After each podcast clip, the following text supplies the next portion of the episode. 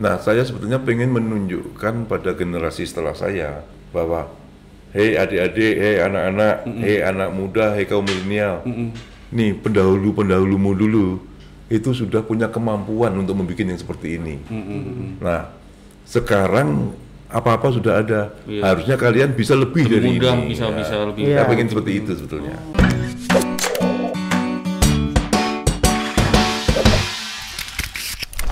Enggak, kita kayak kita perlu sekali-kali ngerjain Romo nih. Bikin games, kita tanya ke Romo tentang quote-quote Soekarno. Karena Oh, beliau juga salah satu orang Soekarno. yang mengidolakan Soekarno ya, pasti Iya, tahu tahu iya. banyak nih tentang minta Soekarno. nih. Pertanyaan ah, yang yang dari ini nanti dulu aja bentar. Eh, kita akan menceritakan eh, kisah-kisah di masyarakat ya khususnya teman-teman muda. Ah, Nanti eh, cerita itu kira-kira Romo bisa kasih quote apa? Quote-nya Soekarno apa yang yang yang cocok untuk cerita itu? oke.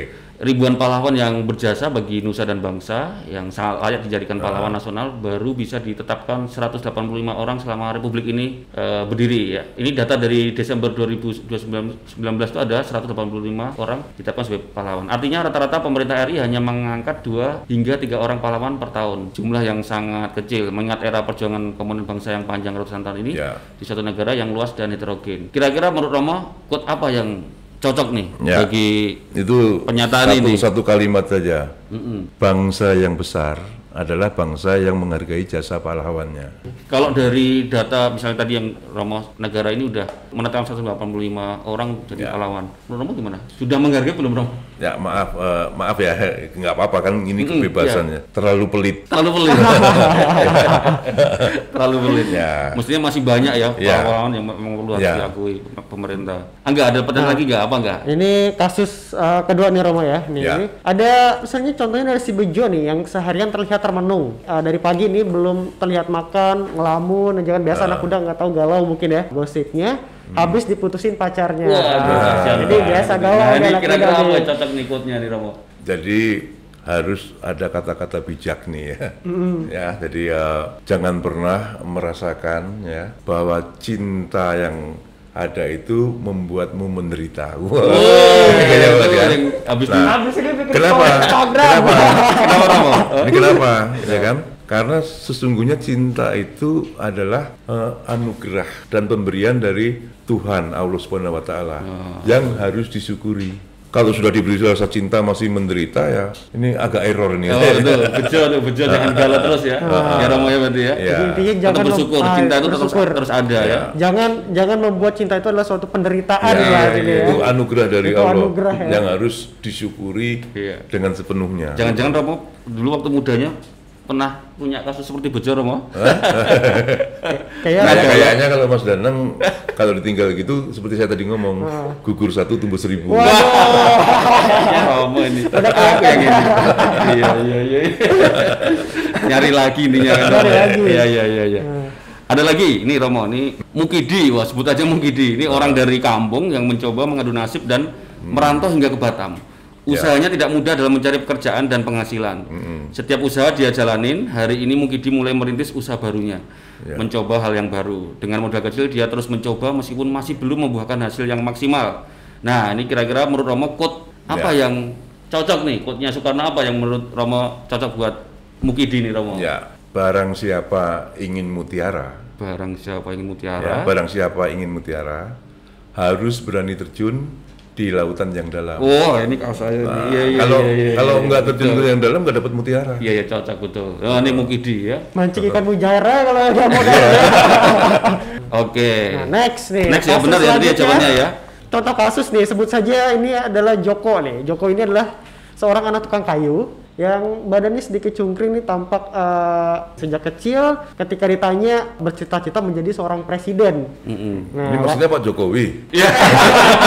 Jangan-jangan tuh ya. Jangan-jangan Pak ya. Jokowi nih. Nah, selepas Nah, kuliah, dia mulai menggeluti usaha bisnis furniture nih dari Hmm. orang tuanya. Jadi belajar dari orang tuanya. Lalu suatu ketika usahanya bangkrut karena gudang furniturnya tuh kebakaran, Romo. Dia tidak patah semangat, terus tetap semangat tentunya menghadapi musibah yang dia hadapin dan dengan banyaknya teman dan juga hubungan baik dengan orang-orang Joko mencoba peruntungan untuk terus mewujudkan cita-citanya. Jadi ini tipikal Joko ini adalah uh, tipikal orang yang pantang menyerah meskipun Iya, iya, ditimpa iya, banyak iya, cobaan. iya, iya, betul. Kira-kira ini seperti cocok yang apa tadi saya sudah katakan. apa Romo? Yang gantungkanlah cita-citamu setinggi langit. Oh, iya. ya, Jadi oh, iya, ada setinggi sama- langit. sama itu ya. Ya kan, jika engkau jatuh, ya kan, Jika engkau jatuh. jatuhnya di antara bintang-bintang. Bentar. Ya kan? Cita-cita jadi kalau presiden. tadi kalau tadi sedikit-sedikit nyerempet-nyerempet Pak Jokowi ya kan, Nah, nggak jadi Jok- tukang mebel jadi presiden. bener. Malah itu Malah jadi jadi presiden. Oh iya. Cita-citanya jadi presiden, nggak jadi pun bisa jadi gubernur kayak gitu. Oh jangan-jangan ini kreatif. Nah, ini emang nyebut emang nyinggung Pak Jokowi ini ya. Satu lagi mungkin ya. Ada Romat, ini contoh nih Pak, sebut aja Romat. Ya. Romat. Romat adalah sosok laki-laki yang percaya diri meskipun tidak tampan-tampan amat. Romat adalah sosok yang pantang menyerah dalam hal mengejar dan mencuri hati wanita. Wih, Masya Allah. Iya iya iya. iya. Kegagalan-kegagalan terus ia dapatkan sempat mau jadian tiba-tiba calon pacarnya sudah disamber cowok lain. Waduh. Namun Romat tidak putus semangat, dia terus berusaha. Nah, quote apa Romo buat Ya. uh, Rohmat ini yang tadi tiba-tiba calon pacarnya sudah disamber Kalau- cowok lain. Kalau kita memiliki suatu keinginan yang kuat dari dalam hati, maka kita percaya seluruh alam semesta akan bau membau untuk mewujudkan apa keinginan kita itu. Uh, Ini gotong royong juga dengan alam semesta. Dalam nih. ya. Ini kayak apa sih? semesta akan bau membau mewujudkannya. Jadi Ya. nggak usah galau, nggak usah Ya, kita tidak sendiri. nggak Gitu kan. sendiri. Ya, Oke. ada lagi? Ada lagi? Mungkin yang dari ini deh, dari Facebook, Facebook, ada yang, nggak? Dari yang, Facebook. yang gabung mungkin yang digabung di kolom komentar boleh. Oh ini nih si Alin Mustaqim.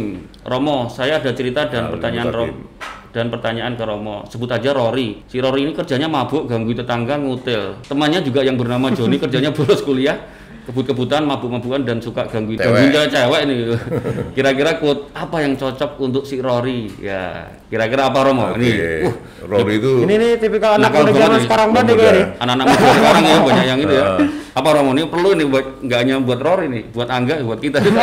ya itu tadi pemuda ya. Nah, pemuda kan kisaran umurnya ya 20, 21, 22 gitu ya. Iya. Kalau dia kerjaannya cuman kayak gitu, tidak ada unsur berjuangnya. Kemudian macem nggak punya cita-cita gitu ya. Ini pemuda gini enaknya diapain nih? Dia pengen Romo. Gundulin aja kepalanya. Biar bisa mikir dia. Emang itu ada Balik-balik Romo? gundul Quote-nya ya. Soekarno ada gitu. Ada juga gitu Bung Karno. Eh. Jadi digundulin. Jadi buat Iya. teman-teman tribuners ya, ya Ah, kerjaannya urakan di luar, Ah, tuh. nggak ada jiwa nasionalismenya, nggak ada sesuatu hal yang positif. berguna nggak untuk cinta tanah air, nggak ah. bermanfaat untuk orang lain. Ini pemuda apa nih? Iya. Benar. Kan gitu kan? Pokoknya Baik- siap-siap, siap-siap nanti ketemu Romo digundulin. Ketemu Romo digundulin. Oke, ada pertanyaan lagi dari ini? Khalid Pandu Prasetyo Romo nih. Bagaimana mengaplikasikan pengamalan Pancasila dalam kehidupan sehari-hari? Ya, ini sangat sederhana. Berapa kali tadi kita diskusikan kan? Iya. Dengan mengoptimalkan jiwa gotong royong, itu sudah merupakan implementasi pengamalan Pancasila. Nah, nih Sugi, next Sugi. ada Nah, ini. Sugi, Sugi, Sugi. Nah, saat ini ada pihak yang ingin uh, mengganti Pancasila sebagai dasar negara. Bagaimana menyikapi ini nih untuk Romo karena pihak tersebut juga bagian dari warga negara Republik Indonesia. Dan Waduh, banyak isu ya. kan. Kayak orang-orang ya. seperti inilah. Saya Kemarin sempat melihat ramai Romo ya ini ya. Jadi Pancasila itu secara de jure, secara yuridis, secara hukum itu dasar negara kita, pandangan hidup kita, way of life kita, filosofis Grundslah kita, dan benar-benar digali melalui proses atau rangkaian yang panjang. Mulai saya katakan tadi, mulai dari BPU PKI sampai dengan PPKI sampai ke kemerdekaan Indonesia sampai seterusnya, dan terbukti sudah ampuh. Kalau ada pihak-pihak yang berusaha untuk mengganti dasar negara di luar Pancasila, saya rasa ya tolong bercermin apalagi kalau warga negara Indonesia. Ini ini kan pemikiran ini bukan apa kalau bahasa Jawa itu bukan sak dek sak nyet bukan seketika. Tapi by proses. Prosesnya panjang. Iya, penuh perjuangan. penuh perjuangan ya kan? Penuh perjuangan prosesnya panjang. Kemudian juga penuh dengan ancaman-ancaman juga karena kita waktu itu masih dijajah. Kan. Benar. karya agung ini kok masih mau dimasalahkan? Kalau menurut saya kalau ini ada warga negara yang eh, ngomong seperti itu dengan tidak mengurangi hak-hak warga negara ini, saya akan ngomong ini bukan warga negara Indonesia yang baik. Harusnya dia berkontribusi bagaimana untuk bisa mengimplementasikan lagi Pancasila dan mudah dipahami oleh generasi muda kaum milenial sebagai generasi penerus perjuangan bangsa. Jangan malah mengkotak-katik, ya enggak enggak. Sebagaimana NKRI aja, Bagaimana ya NKRI kan? ya. NKRI harga, Harga mati, mati, kan gitu ah. kan. Ada lagi? Wih banyak kayaknya ya. Satu ya lagi. Kami anak muda dituntut harus beradaptasi dengan kemajuan teknologi atau zaman. Oh ini sorry Romo ini dari Neil Arm. Kami anak muda dituntut harus beradaptasi dengan kemajuan teknologi atau zaman. Tetapi kebablasan kadang lupa diri kalau kita di Indonesia. Terlalu kebarat-baratan bahkan ada yang menjelek-jelekan negara kita sendiri. Apa yang salah sebenarnya Romo? Bagaimana mengembalikan cinta tanah air ke jiwa anak-anak muda di Indonesia? Ya. Wah ini Oke. Benar. Neo ya. Jadi eh, kepada adik-adik saya kaum milenial, saya ingin berpesan jangan pernah menjelek-jelekan tumpah darah kita. Kalau perlu, kalau kita strong itu ya, pakailah prinsip right or wrong my country. Agak soft lagi, ya kalau kita jelekkan orang tua kita gimana? Kualat nggak? Jadi batu. Kan gitu kan? Jadi batu. Iya, iya. kita boleh belajar menuntut ilmu bahkan ada yang dikatakan tuntutlah ilmu sampai ke negeri Cina dan ke mana-mana. ke mana-mana saja. tapi jangan pernah tercabut dari akar budaya bangsanya sendiri. Jati diri kita adalah Indonesia. Keindonesiaan kita harus selalu kita munculkan. Banggalah kita sebagai anak Indonesia, Indonesia. Soalnya banyak banget anak muda-anak muda zaman sekarang justru kayak tidak bangga gitu. Bahkan sempat ada banyak ejekan-ejekan dasar lo uh, warga plus 62 kayak gitu kan sering banget Nah, ini ini media. lah. Kalau di baju ada bendera merah putih itu malah ada yang seneng pakai bendera Amerika, bendera Ah. Inggris dan sebagainya. Ya, Jaket-jaket. harusnya merah putih lah. Gitu lah mungkin kita bahwa itu adalah PR kita bersama juga mungkin ya. Ya. Bagaimana itu dari anak dari kitanya sendiri, terus dari orang tua juga Nah, dari tapi sekali lagi, Mas, bukan juga murni kesalahan kaum milenial. Para orang tua juga harus ditatar dan menatar dirinya, mengupgrade dirinya untuk lebih concern lagi. Kan Orang katanya buah jatuh tidak jauh dari pohonnya. Pohonnya. Kan gitu kan? Nah, kalau anak kita nggak cinta bangsanya, anak kita nggak cinta Pancasila, berarti patut dipertanyakan dipertanyakan juga Orang kita ini bagaimana kan gitu ya. sebagai seperti apa mendidik ya, ya atau bisa seperti Iya, itu gitu Ya. kan. Oke, kayak kita udah hampir 50 menit kita ngobrol 50 sama menit. Romo. saya kapan pun juga mau diajak bicara dan diskusi dengan teman-teman yang quote and quote kaum milenial. Iya. Mau Siap-siap, tentang Romo. Pancasila maupun tentang yang lain-lain. Kita ngomong bebas. Ya kan kita ngomong bebas. Tapi koridornya adalah untuk kemajuan kita bersama ke depan. Nah, itulah. Ya. Kita Jadi Romo selalu mensupport pasti buat anak-anak muda ya. mau- Buat Tribuners mau ngobrol-ngobrol, mau berbagi pengalaman nanti sama Romo boleh ya. Hmm. Siap, Sama siap. santai langsung hubungin Romo aja atau langsung datang ke rumahnya nanti.